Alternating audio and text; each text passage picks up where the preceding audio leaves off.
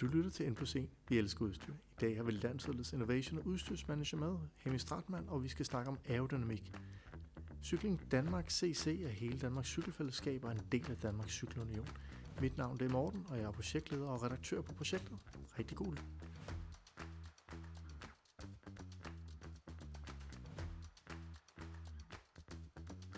Goddag. Uh, ja, som du har hørt, jeg hedder Hamish Stratman, og uh, jeg er innovation- og udstyrsmanager for DCU. Det vil sige, at jeg er den mellemrum mellem uh, ruterne og, øh, og udstyrsverden, øh, eller dem, der producerer, producerer udstyr. Udover det, så står jeg også for deres øh, tests, altså deres testregime, og hvordan vi, vi vælger faktisk øh, udstyr, og hvordan de skal sidde på, på cyklen, og ja, hvordan vi generelt øh, laver vores øh, banelandshold, og også, øh, også bare landsholden generelt, til at køre så hurtigt som muligt. Øhm, hvad kræver det baggrund for, at man kan komme ind og, og være udstyrsmanager på verdens bedste landshold? Ja, det er en virkelig god spørgsmål. Øhm, hvis du spørgte mig for fem år siden, så vil jeg sige, at jeg aldrig forventet at uh, være her. Øh, først og fremmest, jeg er faktisk ikke dansker. Jeg kommer fra Australien, øh, og min bachelorgrad, den er i uh, petroleum og mm, me- mechanical engineering, så det er heller ikke øh, noget med, med cykling at gøre.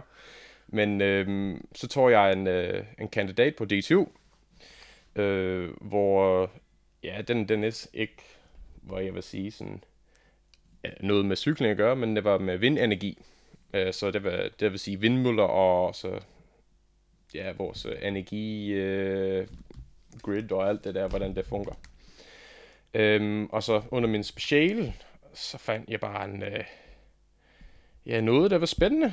Der sagde sådan øh, cykling og ankelstart og hjelmer, og så skrev jeg ind en, en ansøgning. Jeg, jeg vil meget gerne være på den her øh, speciale, fordi jeg cykler jo selv. Jeg synes, det er spændende, og ja, de andre projekter, de vil ikke det er virkelig mig. så, så, jeg, øh, så jeg søgte ind på, på den der. Øhm, og så fik jeg også at, øh, fik jeg også at vide, at, at de vil også gerne øh, have, at jeg kom med på, på projektet. Øh, og den projekt, den var ført af Team Danmark, så øh, Andreas Top Adler, øh, præsentationsingeniør på Team Danmark, han, øh, han stod for det. Og øh, under, under projektet, så fik jeg tid øh, til at lave CFD-beregninger, det vil sige en, ja, en vindtunnel på computeren, og så også tid i vindtunnel selv, så der er en stor øh, vindtunnel i Risø, som DTU har bygget for, ja, jeg kan ikke huske, men øh, jeg, jeg var også den første student til, til at bruge det, faktisk. Og det var, det var lidt sjovt, fordi det stod bare sådan en uh, mannequin inde på, på den der virkelig dyrt og lækre vindtunnel, og det er sådan noget, jeg har sat med, med spartel og hakket med en uh, nystrædingskniv også. og så sat hjelmer på. Um, så efter min speciale, ja, det er en lang historie, men oh, vi, kom, vi, vi, vi, vi har masser af tid. Ja, lige præcis. Um, men uh, så efter speciale, og jeg fik en god karakter, der er vi også glade for, um, det, der kom en åbning ind i DCU, at de havde brug for en, der vidste noget om aerodynamik, og ja, havde passion for cykling. Øh, så søgte jeg ind, og øh, ja, fik en samtale, og efter samtale, så fik jeg øh, jobbet. Ja. Så det var lidt sådan, øh, jeg har den der baggrund, eller uddannelse i, øh, i min ja, ingeniørverden, og også i for vindenergi, jeg har min aerodynamik øh, viden. Ja. Men når man træder ind i den her verden, så er det helt noget andet. Øh, så skal man lære, hvordan ting faktisk er i, i virkeligheden. Og aerodynamik, det er, det er ikke, ikke noget, der er øh, nemt at forstå. Altså, det mere du ved om aerodynamik, det sværere det faktisk bliver. Du kan ikke sige øh, altså, luft. Du kan ikke se det du Nej. kun øh, tænke på, hvordan det kommer til før føre rundt en, en, en rutter, eller ja, eller hvordan en hjul eller en position kan påvirke altså vinden rundt om en rutter. Får, får du mere turbulens, får, får du mindre turbulens? At den der turbulens, den skaber, er det godt eller skidt? Eller ja, hvor, hvor er det, det, det faktisk gør? Øhm, så der, der har været en uh, stor learning curve, vil jeg sige. Og det er kun aerodynamik-siden. Så ja. er det også alt det her med, med udstyr og, uh, og hvad er bedst, og uh, også med vores dragte for eksempel. Det er også noget, der har været ja, ekstremt vigtigt. Altså, det er sindssygt for meget, en dragt kan gøre, faktisk, i forhold til aerodynamikken og, og bare ren præsentation. Så det har også været en stor learning curve inden for bare stof. Bare sådan forskellige stoftyper, hvad det kan, og hvad det er, og hvordan det er lavet, eller... Så der, der har været en stor... Vi skal lave masser af afsnit. ja, ja, ja, det kan du godt høre. Ja, ja. Vi skal lave masser af afsnit. Uh, vi tager lige nogle spørgsmål til dig. Yes. Du cykler selv. Korrekt. Hvor meget cykler du? Øh, jeg håber på, altså, hver uge, jeg regner med, altså, at, at mindst 8 timer. Ja. Der, jeg, altså, jeg det kan er se, jeg... du har rundet omkring 9.600 km indtil videre ifølge Strava. Ja, ja, det vil nok passe. Og, og meget af det, det er pendling, er det ikke? Ja, jeg, øh, jeg er meget heldig i forhold til sådan cykelstis øh, netværk. Øh, jeg bor på Bryggen. Vi er ude på Brøndby her. Og, øh, og så vi jeg... pauser lige hurtigt. Vi blev lige afbrudt. Vi sidder nede på administrationslageret i DSU i, ude i Idrættens Hus, og det er sådan intim forhold, men øh, det er der, hvor der muligvis er den nogenlunde bedste akustik og stadig mangel på samme. Øh, jeg spurgte Hamish omkring pendling, og... Øh... Ja, øh, som jeg sagde, jeg ved ikke, hvis jeg, hvis jeg har sagt det, men øh, jeg bor lige på Bryggen nu, og så øh, til Brøndby, eller Idrættens Hus, så har jeg 17,7 km. Øhm, og der er hver vej. Øh, og jeg er meget heldig, at det er bare Altiljevej, og så langs Stide, og så Voldgaden. Og det, det er virkelig skønt. Det er to lyskrydser, så det er meget sjældent. Jeg skal ikke stoppe. Og, og, så, og så nogle gange er det ude til Ballerup Super Arena. Det er også korrekt. Men øh, når jeg er ude på Ballerup, den, det er på 30 km. Ja. Øhm, og det er hver vej også. Og jeg er også til Voldgaden, fordi jeg gider ikke køre over HC Boulevard, og så God Hopes, øh, ja, God Hopes Vej, eller hvad fanden det er, og så, bad, ja, det, er sådan, det tager lige så lang tid, ja. men jeg sidder ved lyskrydser hele tiden, og andre mennesker med cykel og så videre. Så, ja, og ja, det, det er hver eneste gang, man laver, man stopper ved lyskryds, så skal man bare en tændstikker af for at komme op i fart. Ja, lige præcis. Det, det gider jeg ikke. Jeg er virkelig god til at være en dieselmotor, bare ja. sådan kør. Ja, du kørte, øh, du kørte herrevejsløbet i år? Det er korrekt. Øhm, det, var, det var den første for mig. Jeg har ikke kørt øh, før, og det var også den øh, længste øh, cykelrejse, øh, lad os kalde det. Ja. Jeg, jeg, jeg, jeg nogensinde øh, cyklet. Hvor, hvor langt kørte du? Det var 300 km. Man startede i Flensborg, som der vil sige, så det kommer på, øh, hvad man siger, men øh, det, det er Tyskland, ja. eller øh, gam, gamle Danmark, øhm, og hele vejen op til Uh, Viborg. Viborg, korrekt. Yes. Uh, jeg kan ikke huske, hvis det var Vejen eller Viborg, men det er Viborg, hvor vi sluttede af. Uh, der, der er helt noget... Um, altså, jeg tror, vores gennemsnit watt, den ligger på... Altså, min normalized var måske 220 eller sådan noget. Jeg kan ikke huske. Som, det, det, altså, det er for en, ja, det, det er, det er... Altså, hvor hurtigt kørte du så? Det, det var noget andet, det var 35, tror jeg, i snit. Men, men sidde i gruppen øh, den meste af vejen. Men ret sjovt, den løb, fordi alle, i starten alle er frisk. Og det, det kræver ikke meget energi at køre 200 øh, watt, hvis man er veltrænet, øh, for ja. eksempel. Men det er bare sådan, hvis du, ikke, hvis du ikke spiser nok under løbet, eller hvis du ikke træner nok under løbet, så er du færdig. altså, vi startede måske en gruppe af 50 mand, og så til sidst, var vi øh, syv eller sådan noget. Jeg kan ikke huske. Vi var syv indtil den sidste bakke. Øh, og så to, to, to, øh, to hollander, som kom i øh, den gule trøje og sprintertrøje. Øh, de bare gav den gas op den der sidste bakke. Øh, og ja, det er det. Lowlanders, ikke? Men, øh, og så bli, vi blev sat, og så kørte den øh, kørte den hjem. Øh, men de sidste 50 km, de der 200 watt, det føles som, at jeg kørte den 350 watt interval.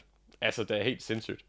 Øhm, ja, det, er, altså, det er helt noget andet, i stedet for, at man, hvis man tager et øh, bjergetappe ned i Schweiz eller Frankrig, du kører hårdt en time eller 45 minutter at komme på, hvorfor noget slags bakke det er, men du får også nedkørsel til, hvor din puls skal falde, og du kan spise eller drikke noget.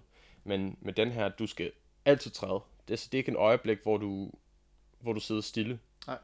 Du, så skal du sørge for, at du spiser og drikker nok, som, ja, det er jo lidt forskel i forhold til, hvis man kører bjergløb, hvor man, så kører man måske en time opad, og så har man måske 15-20 minutter, hvor man kan slappe lidt af, Ja. og, og spænde lidt rundt, og så skal man i gang igen. Ja, det er rigtigt. kræver lidt andet, end, end hvis man hele tiden skal træde pedalerne. Ja, det var sådan...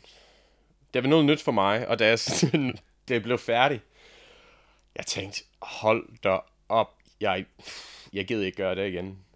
Men nu tænker jeg bare sådan, ah, men det var jo fedt. Sådan. Og øh, jeg endte med en øh, 6. plads. Øhm, Det er sgu meget sejt. ja, også, også at min sæde faldt af de sidste 11 kilometer. Så skulle jeg øh, træde øh, ud af sæden øh, de sidste 10, så det var, det var hårdt. Ej, Øh, Fedt. men ja, så Øh, men men nu, øh, nu skal vi jo snakke om aerodynamik, og øh, nu lægger jeg mærke til, du, øh, du har ikke barberet stænger. nej, det har jeg ikke. Øh, og øh, du har et overskæg, som der minder lidt om, om ham med overskægget fra Hall Notes. ja, det er Øh, godt det er super tyk. fedt, men, men jeg tænker ikke, det er ikke super aerodynamic. Øhm, ben, øh, benene er i hvert fald, nej.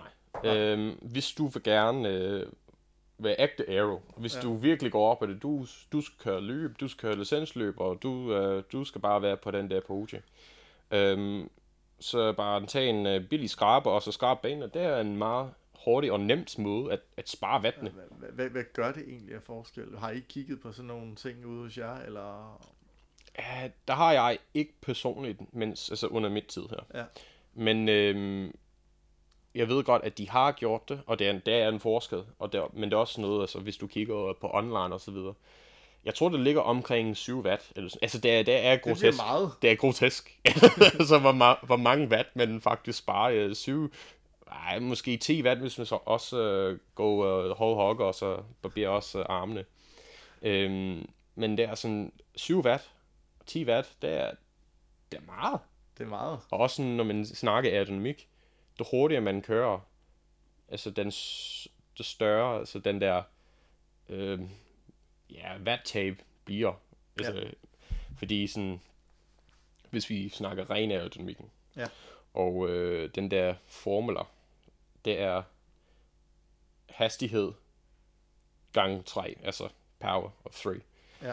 Så det er ikke som, øh, det er ikke linear. Nej. Den, så den hurtigere man kører, det er mere eksponen, eksponentielt. Ja. Det der sådan, det kraft, det brug, altså, du skal bruge til at overkomme det der hastighed bliver. Ja. Så derfor, sådan, hvis vi kigger i bilverden, som øh, den der Bugatti Chiron, der kører, hvad var der, 420 km i timen eller sådan noget, det, det skal bruge sindssygt mange, altså ja, jeg, 1000 kW eller sådan noget, motor, jeg kan ikke huske, hvad det var, men det er sindssygt mange hestekræfter, men hvis du henter måske en, øh, en Audi R6 eller sådan noget, som er, det minder bare en familiebil, den har 600 hestekræfter, man kan køre sådan 350. Det er det der sidste, altså det kræver så mange mere hestekræfter, fordi Ja. det vinden, den er næsten som kage. Altså den hurtigere man kører, den tykkere luften bliver. Det er, det er simpelthen vanvittigt. Så måler, måler man ud fra CDA-værdi, som man gør i, i biler, når der man kigger på aerodynamik i, i cykling. I cykling, vi kigger på CDA.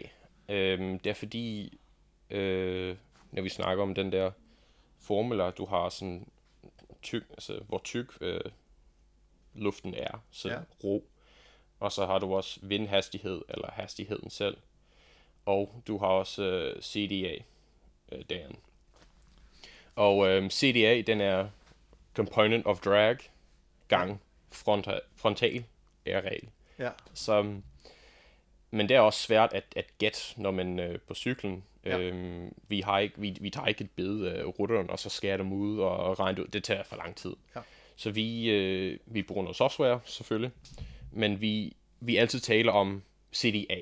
Ja. CDA er den tal, vi, vi altid uh, snakker om. Det er bare nemmere at regne ud, og altså, det, er- det er også, ja, det, når man, det er ligesom at snakke watt, Ja. eller watt per kilo. Hvis, uh, hvis du er i TT-verden, så siger du CDA per watt, eller ja.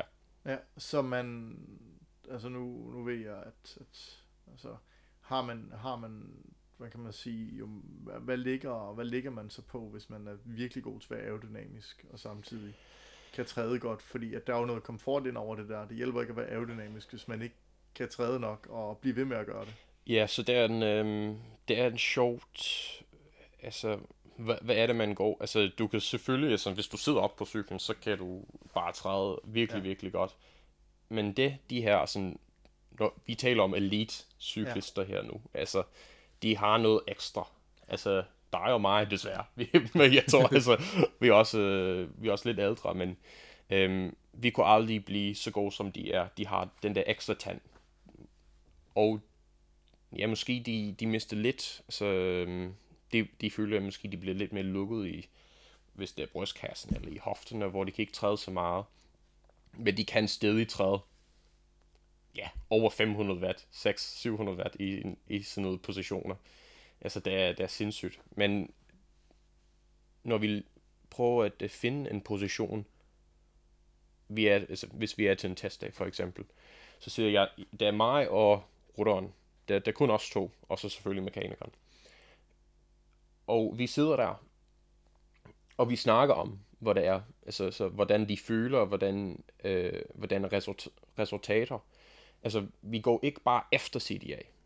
Det er sådan, det, det er ikke be all and end all, fordi hvis de kan ikke træde i den position over, ja, hvis det er 4 km hold, så er det 4 km, hvis det er en øh, 30 km TT, eller hvad ved jeg, de skal holde position, fordi det var kun aero eller go, hvis du sidder i position. Hvis de skal sådan lidt flytte deres krop lidt rundt, eller stikke hovedet op ude af positionen, så er de langsomme.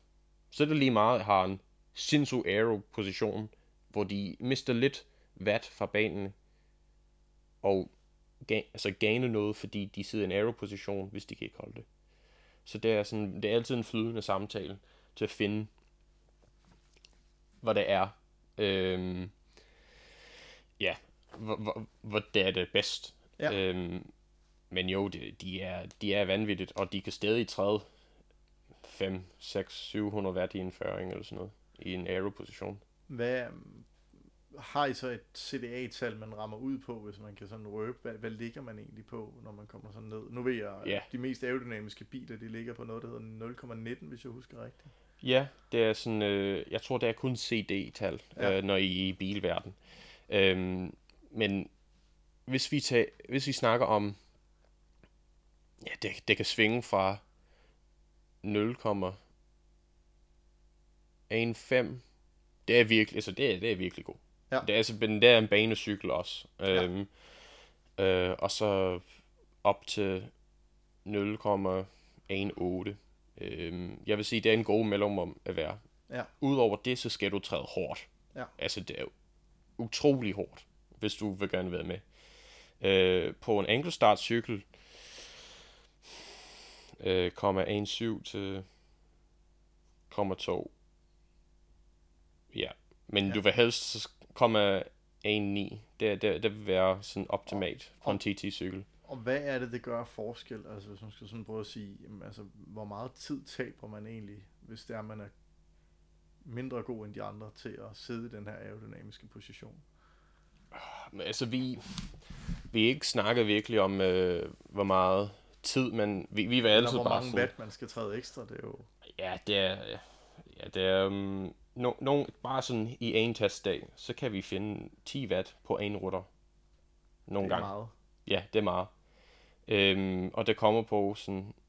Hvis, hvis, hvis vi kommer med en rutter, der har aldrig været sådan aerofitted før, så, så er det selvfølgelig store gains. Fordi Ja. ja. det, er næsten, det er næsten en bike fit og en aerofit på en dag. Øhm, men mellem, altså, mellem de to rutter, det er, det er svært at sådan, sammenligne, øhm, vil jeg sige. Men det er, man kan hurtigt spare 10 watt. hvis man gør, gør det rigtigt. Så, så hvad er det for nogle ting, når vi, vi kan jo starte med banelandsholdet, for meget af det kan man jo tage et andet sted hen bagefter, men, men nu, jeg arbejder med position, mm. øh, og jeg arbejder, altså det vil sige, hvordan sidder man, og hvordan træder man, og jeg arbejder med tekstilerne, øh, hjelme, og selvfølgelig cyklen i sig selv har, er der jo brugt rigtig mange timer sammen med Canyon på at udvikle. Mm-hmm. Øh, og, og hvad for nogle af de her ting, er ligesom, altså alt sammen går jo op i en højere enhed, men, men hvor, hvor er det, at, at du ligesom har tænkt, hold da kæft, det her det gjorde virkelig en forskel? Jeg tror sådan, jeg kan godt stadig huske den første dag, hvor vi testede Canyon-cyklen. Ja. Og vi sagde, det er god. Det kunne vi godt lide. Og ja. Det var det, var det der, der sagde, at vi skal over på Canyon. Så det er sådan, nogle gange er det bare den store ting som en ny ram, for Ja. eksempel. At det gør den, den helt store forskel. N plus 1. Ja, altid. Altid en plus en. Øhm, men øhm, udover det, jeg tror, inden for de, lad os sige, fra sidste OL til nu, i forhold til dragterstof, Ja. der har været, og baseless, øhm, hvis, hvis man har været inde og kigget, kigget på cykelløb, så, så har man stille og roligt set, at, at der er folk, der kører med en baselayer på, og ikke bare, jeg mener ikke en øh, almindelig sådan svedundertrøje, Det ligner en crop top. men ja, en crop top, hvor de har sådan noget øh, riller øhm, under deres dragt eller deres øh, trøje. Og det gør kort aerodynamiske øh, lesson her. Men øh, man vil gerne... Vi har en cylinder Ja. som en arm. Altså, nemt set. Og der er den mindst aerodynamiske form. Altså, hvis du har en cylinder, altså, det er, det er bare, det er langsomt. Den skaber virkelig meget drag. Du har en virkelig ja, høj, altså virkelig meget lav tryk bagved. Ja.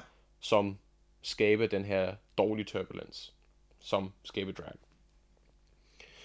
Hvis du får sådan, øh, og på den anden side, så har du en aerofoil, som ja. en aerocykel, og det er grotesk meget hurtigere. Men vi kan ikke lige forme vores arme til at være en aerofoil, så vi skal lave noget med det, som det kan blive mere aerodynamisk. Og i de sidste par år, så øh, har de fundet ud af, hvis du har noget riller som tripwise, og du sætter en, en øh, glat overlag på, så skaber du noget turbulens, og den her boundary layer, den klistre længere på, på, på ikke huden, men på øh, dit arm, som gør, at du har den her lave trykzone bliver smallere, som derfor du har overordnet set mindre drag. Og de her baselayers er, når vi snakker også, øh, de er højere fart, fordi det her glat, det er det noget med, med det her glat og, og, og baselayers, den har vist sig at være 10, f- nogle gange 15 watt hurtigere. Bare, bare du stikker den her fjold base layer under 15 watt. Bum. Så, så jeg skal lige forstå, fordi jeg kan jo huske tidligere, jeg tror selv, jeg har tøj, hvor det er, at der faktisk var riller i selve jerseyen. Ja. Og det er man så lidt gået væk fra og sagt, at nu skal det egentlig være baselaner indenunder, der har de her riller, eller hvad? Og så lægger man det ud over, eller Ja, både og. både over. Det, øhm, jeg ved ikke, hvis øh, du har set, men øh, Rule 28, de er kommet med en... Øh, de har to base layers nu. Ja. Der er en, der er til under 50 km i timen, og en, der er til over 50 km i timen. Så mit svar er, det er ikke så nemt. Øh, det kommer på hastigheden. Ja. Så hvis vi er Og- dødelige motionister, vi kører mellem 28 og 35 i snit alt efter. Og nu ved jeg godt, der er stor forskel, men Ja, ah, træn mere. Nej. Men øhm, den stadig, jeg tror sådan, så base layers, jeg vil sige, at øh, hvis du kører med en rillet stof i stedet for. Ja. I stedet for base layers. Både med, at det bare er mere behageligt. Hvis vi snakker, at, at du er den 1% og 1% top præsentationsrutter i, i verden. Og du skal køre kun 6, 10, 15 minutter, Ja. så vil jeg sige, en, en baselærer er et at gå frem. Øh, fordi det er det, der kunne, hvor du kunne lige hente den, det sidste. Hvis Ja. det er 2 watt, så kan du hente det. Øh, og udover det, så er det virkelig, det kommer på, hvorfor noget kropstype er du, hvordan du sidder på cyklen. Altså, nogle af vores rutter, de, de, altså, de skal ikke bruge en baselærer, for eksempel.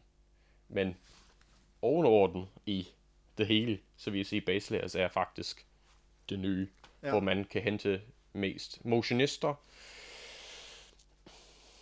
ja, jeg, t- det er svært, det er, fordi jeg har aldrig testet med den fart. Vi Nej. Testede øh, måske 45 op til 70 i timen, eller over det. Ja. Så under det, så har jeg ikke virkelig udforsket. Men øh, hvis du kigger på øh, Ineos, Ja. de har samarbejdet med BioRace for eksempel, man kan kigge på de forskellige rutter, og hvorfor noget type rutter de er, og hvorfor nogle riller de har på deres ærmer. Ja. Så kan man lidt regne ud. Når, når det er sådan en bjergetappe, så kan du se, at de har smalle riller på deres, på deres trøje. Så jeg tror sådan, de, de tynder, de riller er altså afstand mellem de riller er mere tilpasset til en lav hastighed. Ja. Det er, det er bare mit, mit Ja. ja, Og, Kloget. Så, så er det vel, altså, mm, hvor, hvor, stor, hvor stor er sådan, hvad skal man sige, altså hvordan kommer man af med, med varmen, når det er, man har de her base layers og de her jerseys på, fordi at, at det er jo også en, en kunst at sige, okay, hvor, hvor effektiv kan vi være i forhold til, at, at størstedelen af den effekt, vi producerer, det er jo egentlig for at komme af med den varme igen. mm-hmm. Øhm, hvor- hvordan foregår det hos jer? Altså nu er det i kortere perioder, så det, Ja. Vi har sådan... Øh, når vi tænker 4 km, Ja. det er ren performance. Og øh, en løb varer 3, 3 minutter 40 50 sekunder. Der vil vi håbe i, i hvert fald, altså ja. øh, vi er ikke i kampen. Men øh, så, så når, når man ikke er, er kog over, øh, eller altså man kan godt sådan køle ned inden start. Ja. Men den løb var, altså, den er, den er færdig, før man har, har lagt mærke til det. Ja. Altså for eksempel, når vi er til VM, øh, den sidste VM har vi stået op og holdt deres, deres cykler. Vi kommer ned, og så har vi stress lidt, og så, men der, derover før vi sådan har lukket øjnene agtigt. Øhm, så på den måde, at, at de når ikke over. Når vi tænker, tænker på samlestart eller TT, altså samlestart på, på banen, og så enkeltstart på, på landevej, så har vi et problem. Fordi en parløb for eksempel, øh, herres parløb er 50 km, og det er, det en, en time, eller lige under en time. Så de, de kan godt komme over. Så vi skal også tænke ind i design og stof, eller i, i dragten. Øhm, hvordan kan vi lave en dragt, der er lige så aerodynamisk, eller ja, on par, men er ikke så varm. Og det bliver, det bliver svært. Så, så, så laver vi test som, ja, hvor, hvor er vigtigst, hvor er de vigtigste, vigtigste panele på, på sådan en dragt. Øhm, så kommer vi med en model, og vi tester det, eller vi sætter det på en rutter, og de bøvler bare rundt på, på banen, og, og de kommer tilbage og siger, ah, det, den er lige så varm, eller det er ikke så varmt, eller den føles godt, det er god køling i. Så det er sådan, vi laver, altså vi prøver at finde de her stoftyper, laver det til en dragt, og en rutter prø- prøver det. Ja. Og så det er altid sådan en udviklings, udviklingsproces, der er sådan ongoing, hele Ja. tiden. Øhm, men 4 km, ren performance. Ja. Vi, altså, ikke fordi vi er ligeglade med, hvordan de føler med varme, men øhm, de kan simpelthen ikke nå, altså selvfølgelig er det varme, når de kommer ned, men under løbet, så du kan ikke mærke det. Det er så meget syre i kroppen og alt andet. Det, det er bare 3,5 minutter, for det går ondt. Ja, ja, lige præcis. Altså, du, du har bare lyst til at brække sig, eller altså, døre, eller hvad fanden. Altså, du, kroppen, den er slut. Ja. Men øh, i de her samlestarts, øh, ja, okay, ankelstart måske, du har også det samme følelse, men det er ikke så intens i kort periode, det er sådan intens over en længere periode. hvor man kan nå at, at komme over. Men øh, i bunch, så der også parløb, så, så ligger du op, og så kommer du ned i, i kampen igen. Så du har faktisk tid til at sådan køle ned, eller slappe af. Men hvis du kan ikke komme af med varmen, så, så koger du over. Og der er også øh, mange studier, der viser, at hvis du bliver øh, eller ja, dy- dehydreret, eller hvis din kernetemperatur stiger sådan en halv grad, eller jeg kan ikke sige, eller en grad, så falder din, øh, din performance så 5-10% eller sådan noget.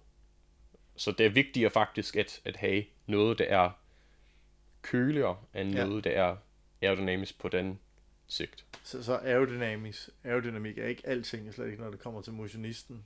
Altså, det er jo en, Nej, nej. en Øh, blanding.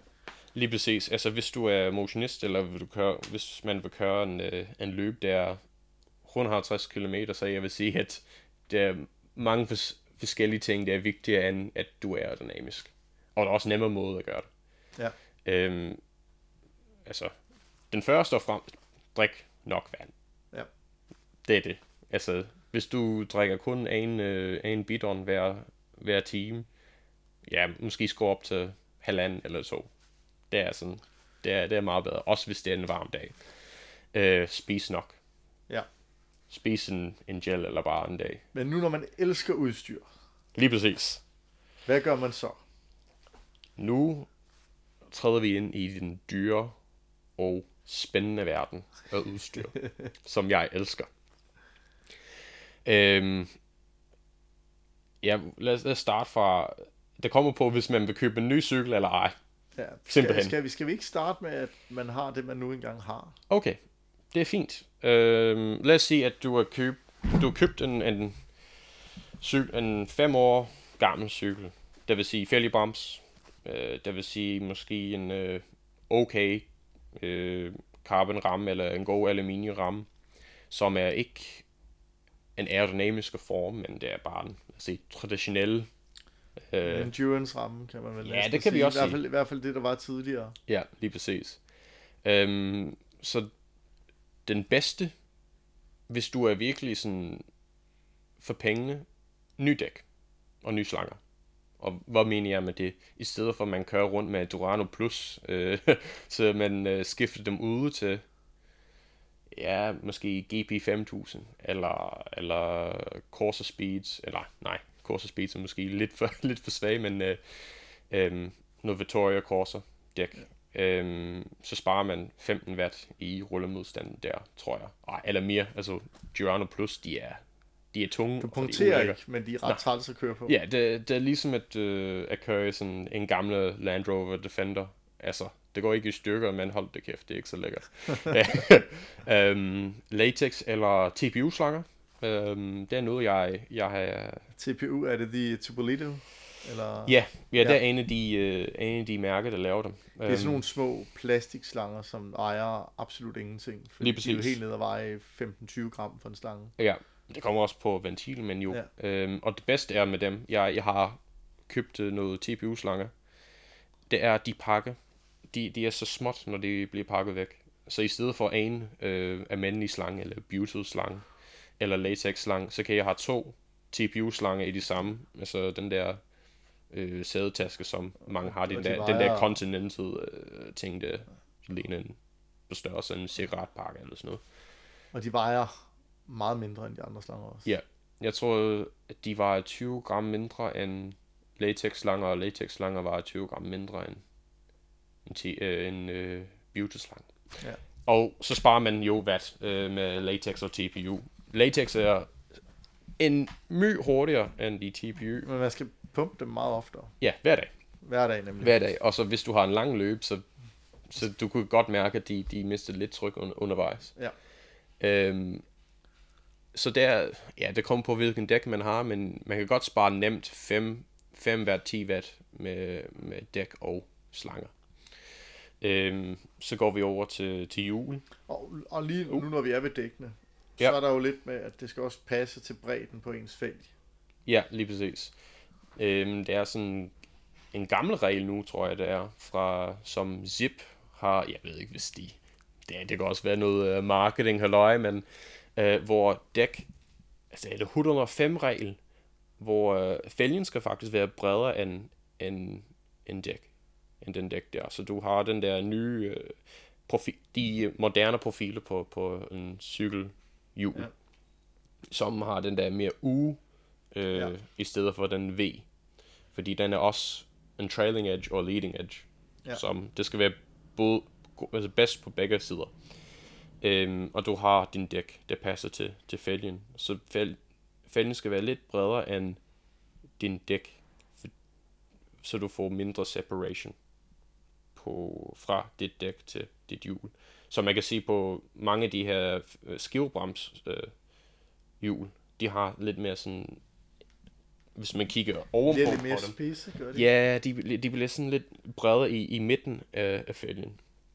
Øhm, men jo, det er sådan, hvis du har en kæmpe, ja, kæmpe dæk, der ligner en svampe, og så har du en virkelig tynd, øh, tynd øh, hjul, så er det ikke, ikke særlig aerodynamisk. Ja, det er da behageligt, men det er ikke særlig aerodynamisk, så det, det skal ligne en aerofoil så, så tæt som muligt. Og en aerofoil, hvis man skal beskrive det for folk, som der måske ikke ved det. Øhm, en øh, vinge på en, øh, en flyvemaskine. Ja. Ja. Eller en, en vinge på en vindmølle, Ja. for eksempel. Noget, noget, i den, noget i den art. Perfekt. Yes. Det er der, hvor den er tyk i den ene ende, og tynd i den anden ende, eller så? Ja, lige præcis. Ja. Ja. Ja. Så du er, den er lidt... Og det jeg mener med den her 105-regel, at den der aerofoil, eller vinge, den er faktisk bredest i midten, eller 25, altså lidt Ja. væk fra den der spids på Ja. leading edge. Og så bliver det sådan smallere og smallere og smallere til, til enden af den. Og det er for, at man tillader, at vinden ligesom kan slippe af, eller hvordan er det, sådan det fungerer? Ja, det sidder her og Ja. dumme spørgsmål. For det. det er fint. Øhm, du har form drag Ja, og friction drag. ja, Form drag, den er, hvis du er for eksempel en cykelrytter, øhm, fordi du er en, øh, åh, den er lige, den er lige hoppet ud mit hjerne. Du har en streamline body, og så du har en bluff body. Og bluff body, det er, hvor du har form drag, som Ja. en cykelrytter for eksempel. Det skaber virkelig meget øhm, drag på grund af så lavt tryk, ja. og, og ikke, ikke øh, friction drag eller streamline drag, som er... Det glider det af, eller hvad? Ja, lige præcis. Hvor du har mere drag på grund af sådan friktion på en aerofoil, Ja. end du har fra dens form. Ja. Derfor du har form og... Okay, så friction. form, det kan også, der, der kan man også ind og snakke om, det- massen simpelthen, man rammer ind på, eller Ja. Ja, så hvis du er, sidder på en øh, damecykel, Ja. så du har mere form drag, end hvis du sidder på en racercykel. Ja. Du kan aldrig blive streamlined på en cykel. Det, det, det, det kan det ikke. Men du kan prøve at være, at være så streamlined som muligt. Det, det er derfor, man i en fitting snakker om at blive strukket ud, så man Ja. ligesom, Altså lang. ja, Ja, så lav og lang, det, det hjælper. Ja. det hjælper meget. øh, så, så det var, det var dækkende. Ja, dækkene, og så, ja, så kan vi øh, snakke om fælgene. Øhm, min yndlings øh, højde, hvis Ja. vi skal kalde det højde, er omkring 35. Øh, det er virkelig behageligt øh, op, op i bjergene, det er behageligt på, på landeveje. Det er også i øh, krydsvindene, øh, er det også meget dejligt. Men hvis man snakker om ren bare derudad hastighed, så den dybere fælgen er, det mere aerodynamisk, aerodynamisk den er. Også hvis du sætter en plade bagpå, så, så, er, du, så er du hurtigt. Men øh, hvis du skal køre en motionsløb, så måske det, det er ikke det bedste løsning. Øh, så en sted med... også noget mere. Ja, det, det gør det også. Det gør det også. Så det er mere sådan en enkeltstart specialist. Øh, med fælgene, øh, ja, det, det, det, er, det er en sjovt spørgsmål, øh, når det kommer til fælger. Fordi der er nogen, der elsker sådan virkelig letvækst hjul, men de er ikke særlig aerodynamisk. Nej, det, det giver et, et godt eksempel er Mavics gamle Airsys SLR-hjul, som Ja. var en dæk af slangefelt, som vejede 1295 gram, hvis jeg husker rigtigt. Og det er let, Ja, øh, men de var også firkantede, når man sådan kiggede rundt i kanten ved ærerne. Så de Ja. var ikke aerodynamiske. De var enormt lette og accelerere op i fart. Øhm, så, så de var fede på den måde at, at køre med, men, men og der var ikke nogen, der var ikke nogen sidevind overhovedet. Ja. Men, men de var ikke hurtige. Nej. Fordi den, den holder ikke farten på den måde. Nej, og det er, ja, det er derfor jeg kan godt lide sådan 35 til Ja.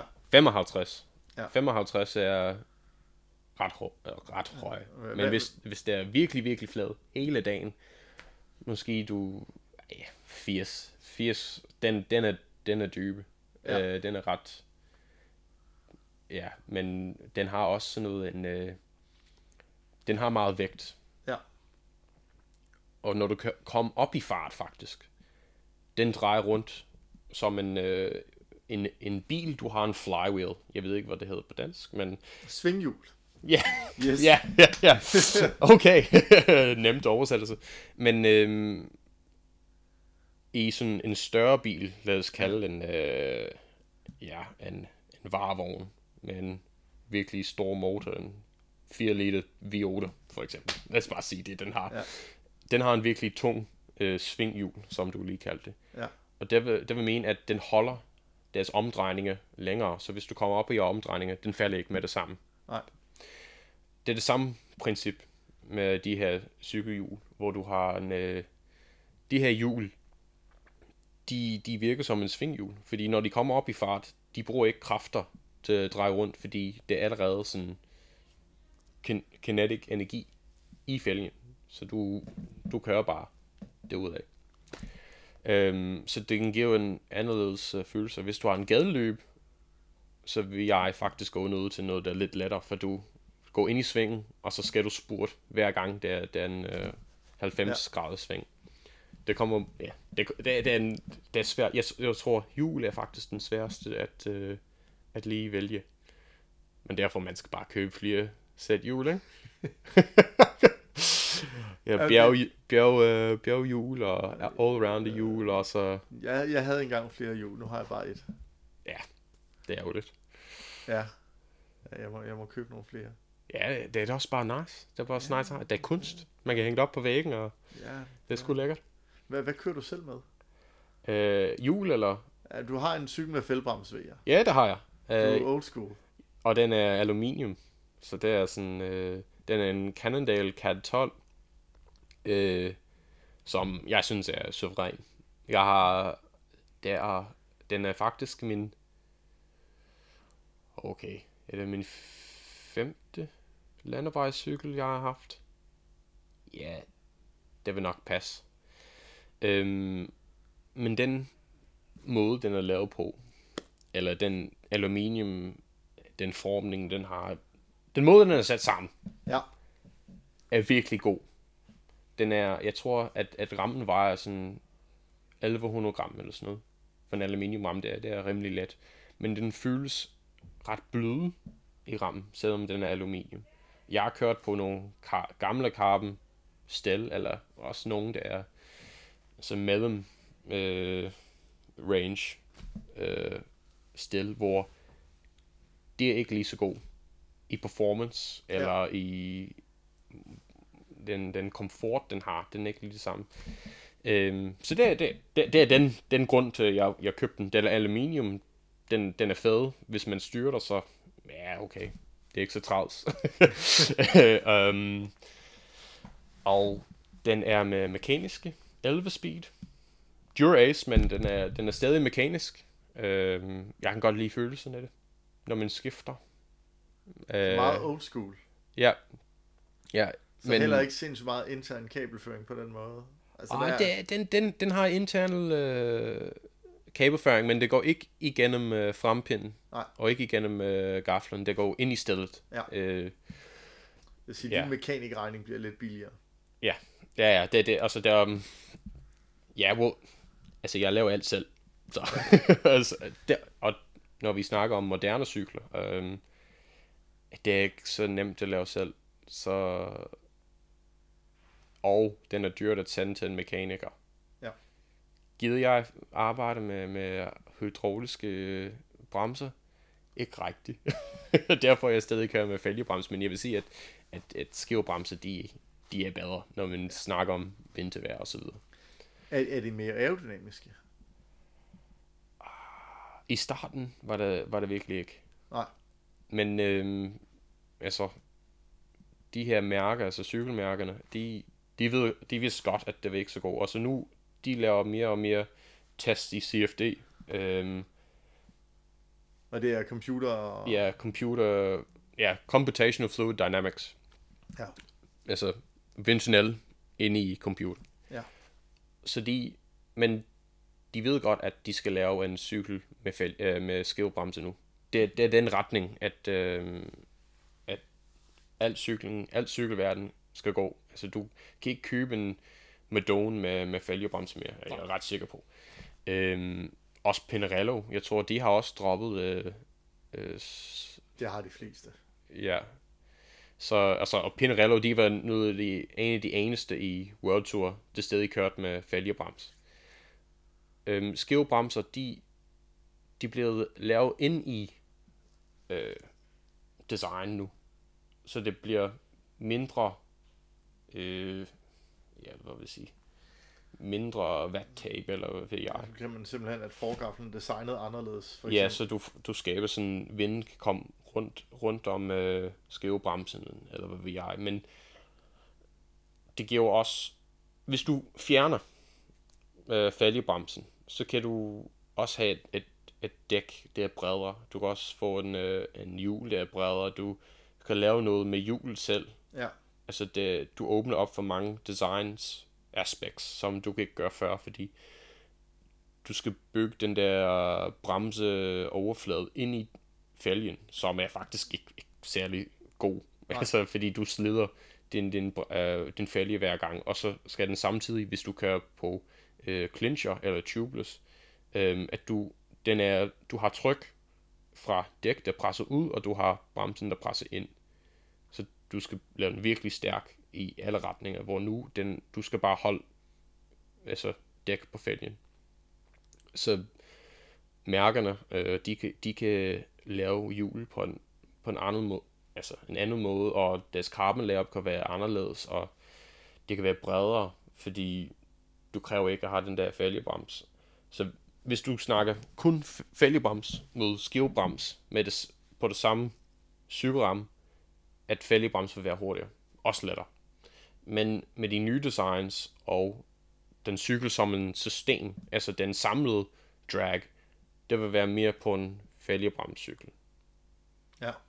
Bare på grund af sådan de andre aspekter af det. Ja. Ja. Så nu har vi snakket hjul, vi har snakket lidt dæk.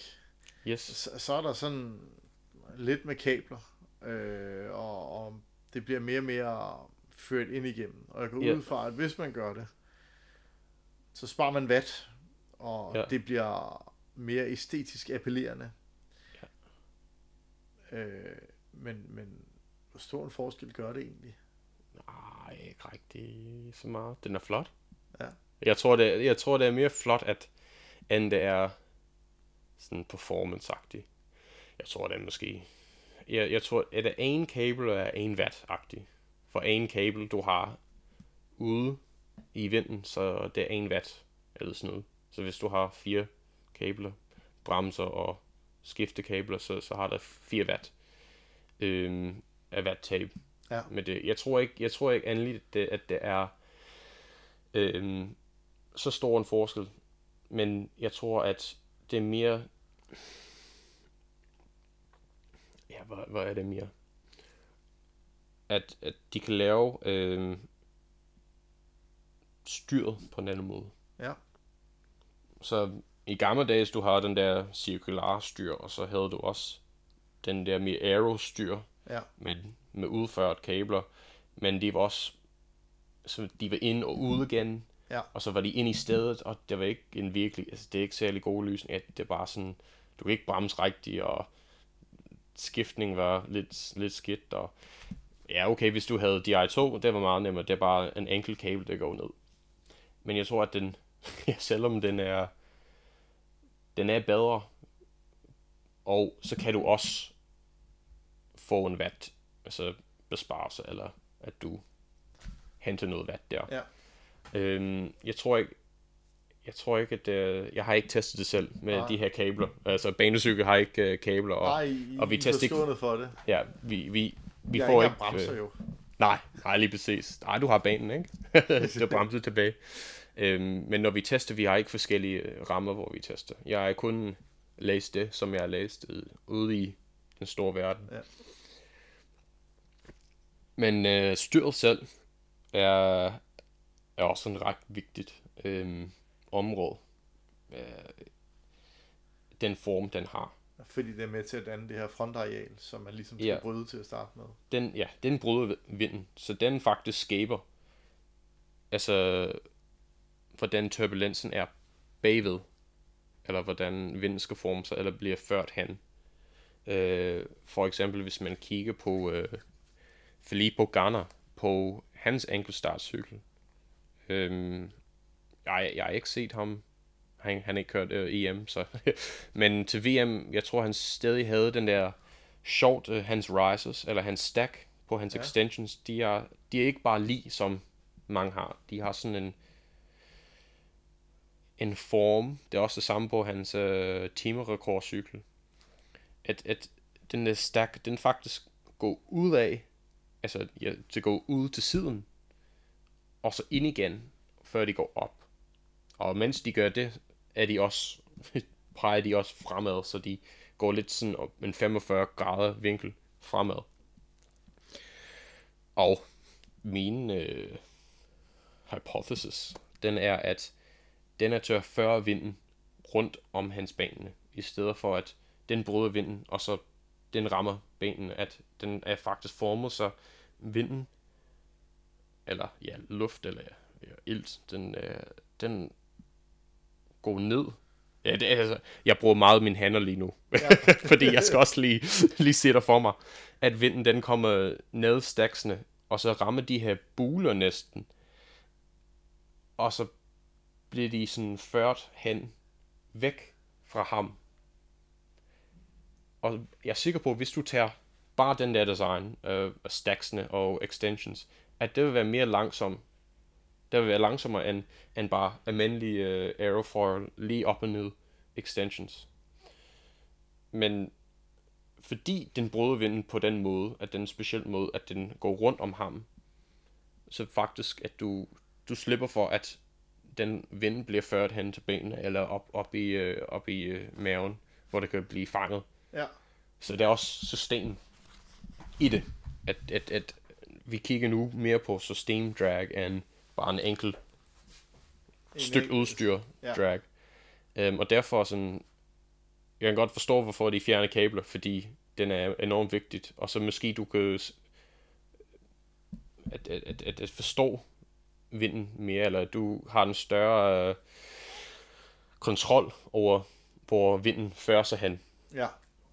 Øhm, og så plus kan du lave mere øh, aero designs, og ikke tænke på, hvordan en kabel skal sidde ind eller under, eller, eller under, eller ja, den der design, den går bare ind. Du ved godt, det går igennem frempinden, igennem den hul i, i stik på, på forgaflen, og så ind i stedet, i stedet for, okay, vi har en, en forbremse her og en bagbremse, og så har vi også skiftekabler, og de skal komme ud, og når de kom, kommer væk fra handlebar, så skal de ind i stedet på en måde, så de ikke bliver sådan, ja. Ja. Det er sådan, den er, den er flot, mere aero, men jeg tror, at den løser mange problemer for ingeniørers side. Ikke mekanikernes side. Nej, og Men- ikke for motionistens pengepunkt. Nej, lige præcis. Men hvis man vil gerne Hvis man God. gerne vil være aerodynamisk. Ja, lige præcis. Hvis man vil gerne have de nyeste og de bedste og den hurtigste, så det er desværre, desværre hvor, hvor sporten før, er, er ført hen lige nu. Øh, og det er også fedt, øh, men man skal være opmærksom på, at det kan også komme med en højere regning, når det er, man skal have serviceret tingene. Ja, det har også været mange år siden, jeg har været inde hos en mekaniker. øhm, men øh, ja, altså en nemt kabelskift, eller lad os sige bremsekabelskift for mig, den, den er ret nemt gjort. Ja. Inden for 10 minutter kan jeg... Forbremsekabel, den er si- sindssygt nemt. Det er bare pst, ud. øh, fra greb og ind til forbremsen. Bagbremsen, den er lidt mere kompliceret, altså den er indvendig, men man kan stadig gøre det i 10 minutter. Når den kommer til, ja, eller hvis man skal ændre position på, på en moderne cykel, hvor du har indvendige cables og hydrauliske øh, cables, så skal du næsten skide det helt ude. Ja, Altså, nogle helt gange af. skal man reflite det, og, og andre gange, så er det jo designet, så det kører ned igennem, øh, hvad hedder det, spacer, hvad hedder det, spacerne, og øh, ned igennem lejrene i, øh, omkring forgaflen. Og det gør, at man skal skille det helt ad. Og Ja. Det er, det er æstetisk rigtig fedt, men, men praktisk en dyr regning. Ja, det vil jeg nok sige. Og det er også, så du bruger mere materialer og, og ting, så det bliver dyrt på den måde også. Også bare tid. Men, men hvis vi nu skulle tage noget af det billige, så er det sådan noget med billig og billig, men, men sådan noget med tøjet. Altså, hvad, hvad kan man gøre der som, som plademotionist for at sige, at, at det skal bare være lidt hurtigere? Altså, øh, den skal passe. Ja. Det skal, altså, seriøst, det er bare sådan... En af den nemmeste måde at blive hurtigere, hvis man skal købe noget, det er at købe tøj, og købe tøj, der passer. Ja. Altså, hvis den, hvis, så det vil sige, at den ikke øh, flapper. Hvis den så omkring skuden, at den flapper, eller den er lys om, omkring hofterne, eller sådan noget. Så, altså, hvis du hører noget sådan flapperi, det er, det er bare vat. Det, det er vinker af dig, og så siger jeg, hej hej. Øh, men hvis du har noget, der passer sådan, det er ikke fordi, det skal være stramt. Altså, forstå på den måde, når jeg siger stramt, at hvis du passer i en medium, så skal du ikke købe extra small. Nej. Fordi den bliver ubehageligt, og så den har også en anden effekt, hvor den trækker i nogle steder, eller hvis du har noget bibs, hvor den lige går op, og du ved, sidder ikke så rar. Altså, så, så gider man ikke cykle, fordi måske du, du mister fornemmelser i den område der. Ja. Men så det skal passe, som den er, den sidder tæt på, på kroppen, og, øh, og føle sig godt. Ja. Når vi har den på plads, så kan man kigge på, øh, ja, hvis den er en aerodynamisk stof, lad os sige, altså hvis de har riller, for eksempel, øh, øh, på, på ærmene, og, eller hvis det er noget øh, langs øh, siderne, øh, der har sådan en aerodynamiske form, eller omkring skud, skyderne, eller Ja. øh, ryggen, nakken området, øh, kan også hjælpe. Hvad, hvad er det for noget, man har på siderne? Nu kan jeg se, hvis man skal tage Rafas Aero Jersey, så vidt jeg husker, så er det i klatstof, men der er sådan en mesh bagved. Ja, Øh, Ja, jeg tror sådan... Ja, ja. Jeg vil, jeg vil have gjort den anderledes, men... øhm, på siderne, øhm, den er et sjov område, fordi du har vinden, der kommer, der bliver fanget på, på maven, og så kommer op rundt om ryggen, og så slipper omkring ja. numsenagtigt. Så siderne, det kan også være en øh, vigtig øh, del, hvor du kan skabe noget øh, turbulens, som du har separation senere på, på kroppen, i stedet for at den slipper allerede på, på siderne, at den fører sig langs ryggen, og så slipper senere. Så det kan være sådan noget, øh, noget cirkelstof, altså sådan noget med hul i. Det kan være noget, der har sådan en, øh, en trekantform, for eksempel. Øh, hvis du ja, kig, kig bare på sådan noget øh, ankle starts øh, dragter. Altså Ja. ja. de, de plejer at have de her slags stof, som jeg snakker om, hvor de har sådan lidt huller i agtige eller sådan noget diamantform. Eller. jeg, jeg kan huske, uh, Katusha på et tidspunkt havde sådan en bib, hvor der var sådan små sådan prikker i egentlig på... Ja. Ja, det er Skatusha, det, det er godt nok lang tid siden, vil jeg sige. Men, men øh, Jeg kiggede min gemmer. Ja, ja, det er det. Øhm, og jeg vil også sige, sådan den gang var det ikke sådan så stor øh, influencer fra, fra Aero. Nej. Eller det er ikke, ikke så stor forstørrelse for det. De vidste godt, at det var, det var vigtigt, men måske de havde ikke øh, forstået helt rigtigt, hvad det var. Øhm, ja, hvad det var for noget. Altså, det, den der tanke bag sådan aerodynamikken har ændret sig virkelig, virkelig meget. Og især den sidste ja, 6-7 år måske. Ja. Øhm, hvor kommer vi fra? Aerostof. Ja. Jo. Så øhm, riller, Ja. huller, altså ikke huller, bare sådan, altså du har en hul i, i den stof, men sådan, som Det, det går en lille smule formet, Ja. formet, øh, formet stof. Ja. Stof, der har form.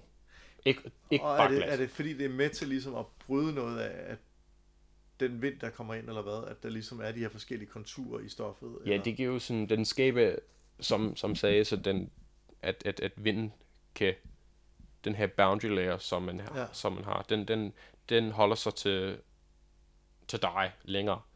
Så når man skaber turbulens, du faktisk giver energi til, til vinden. Derfor, når man kigger på en, på en Formel 1 bil, du har en, øh, ja, en, den der vinge foran, den har så mange forskellige former og altså vinkler og alt muligt. Det, fordi den skaber den her øh, turbulens, eller en, en vortex faktisk, ja, ja, hvor den er, som den giver energi til vinden. Og den der energi, den, den kan blive og på en Formel 1 bil, så den bliver ført hen tilbage på bilen, så du har ja, må, ja, mere downforce, men også øh, du har mindre drag, Ja, fordi den vind bare ikke slipper væk, og du, du får ikke den der lavtrykzone. Øhm, så det er det samme koncept, men ja. bare på, på en menneske. ja, ja. hvor vi, vi vil gerne skabe noget energi, altså give energi Ja. til, til, til vinden, og så at den kommer tilbage på rutteren, så vi øh, minimiserer vores drag. Lige præcis. Fedt. Ja. Øh, lad os lige tage en sidste ting, og så tænker jeg, hvis vi gemmer det til et andet afsnit.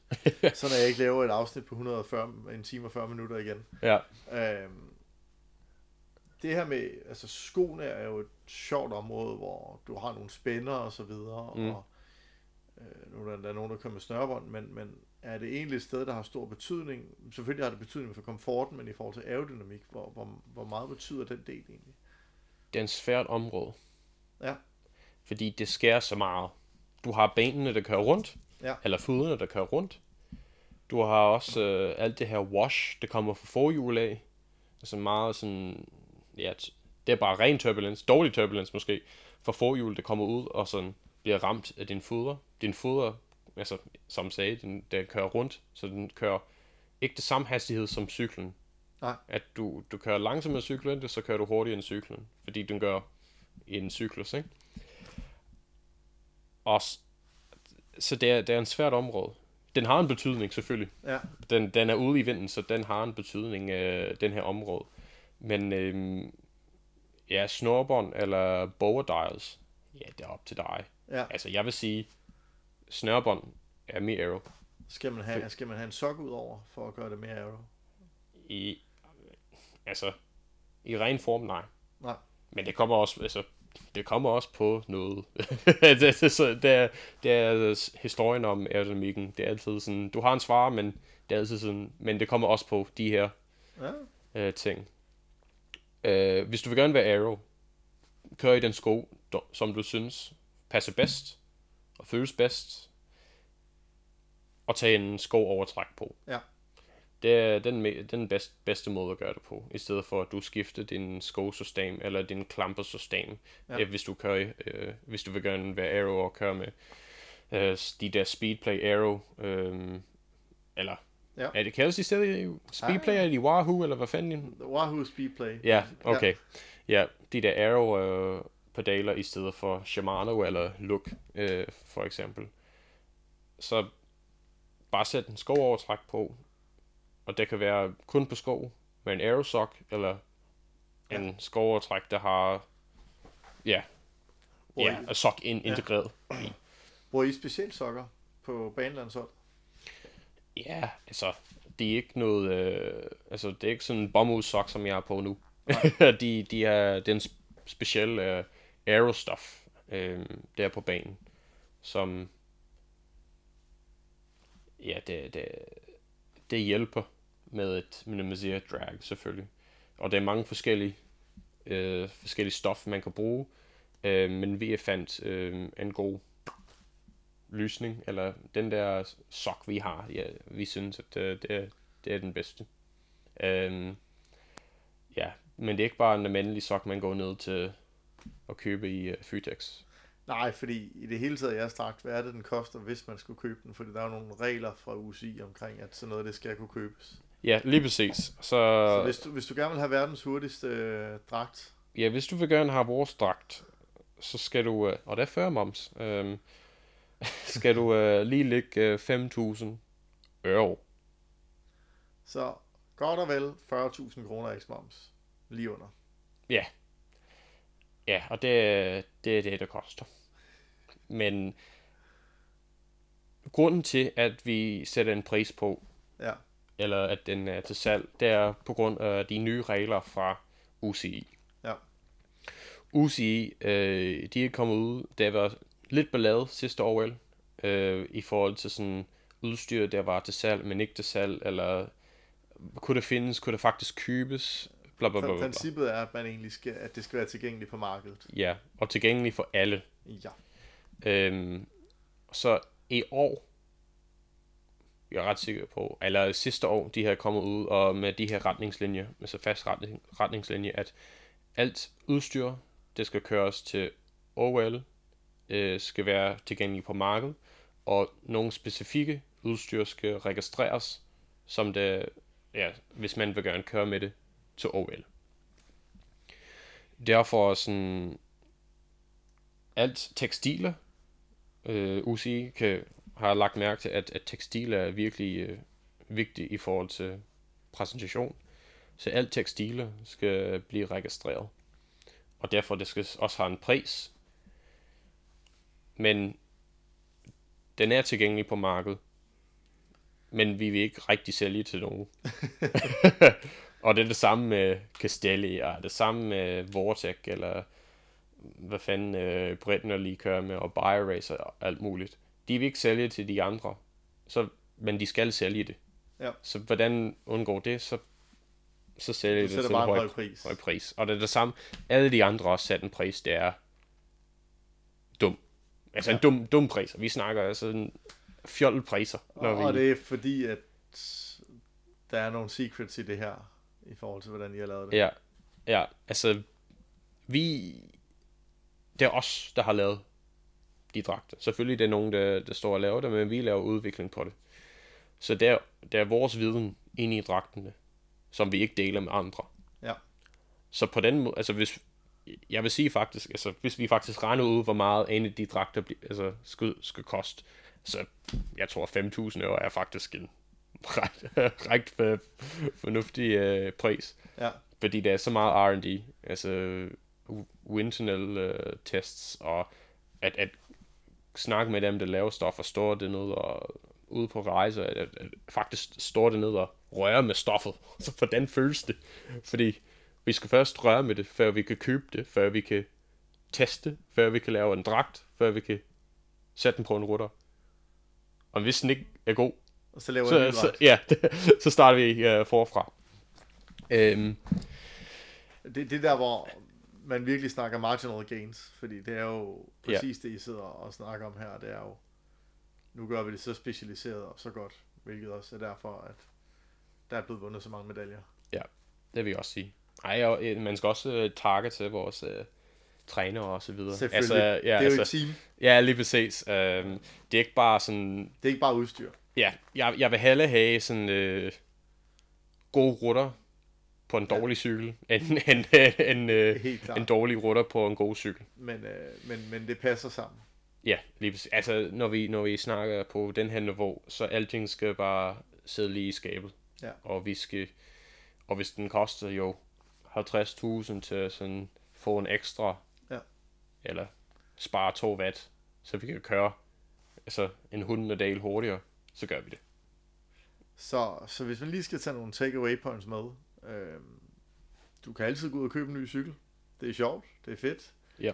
Øh, men du kan højst sandsynligt også lave nogle forbedringer på den cykel, du har. Man kan kigge på dæk, man kan kigge på hjul, man kan kigge på sin beklædning, måske den måde setup'et er lavet omkring styret og, og ens gearing. Og øh, så kan man selvfølgelig altid træne noget mere. Ja, Og Ja. træne klogt. Det har vi en anden podcast omkring. Den kan man lytte til. Og øh, så skal jeg sige tak til Hamish. selv tak. Det er en fornøjelse. Du har lyttet til En plus 1 Vi elsker udstyr. Tusind tak, fordi du har lyttet med. Jeg håber, du synes, det var interessant. Hvis du har spørgsmål, så må du endelig komme ind og skrive til os inde på vores Strava-grupper. eller send os en mail på cyklingdanmark.cc. Men lige nu, så har vi også åbnet billetsalget for VM i bane i 2024. Hvis du gerne vil have nogle af de gode billetter, så er det med at være hurtigt. Du kan gå ind på cyklingdanmark.dk og finde linket til billetsalget. Rigtig, rigtig god fornøjelse. God tur derude.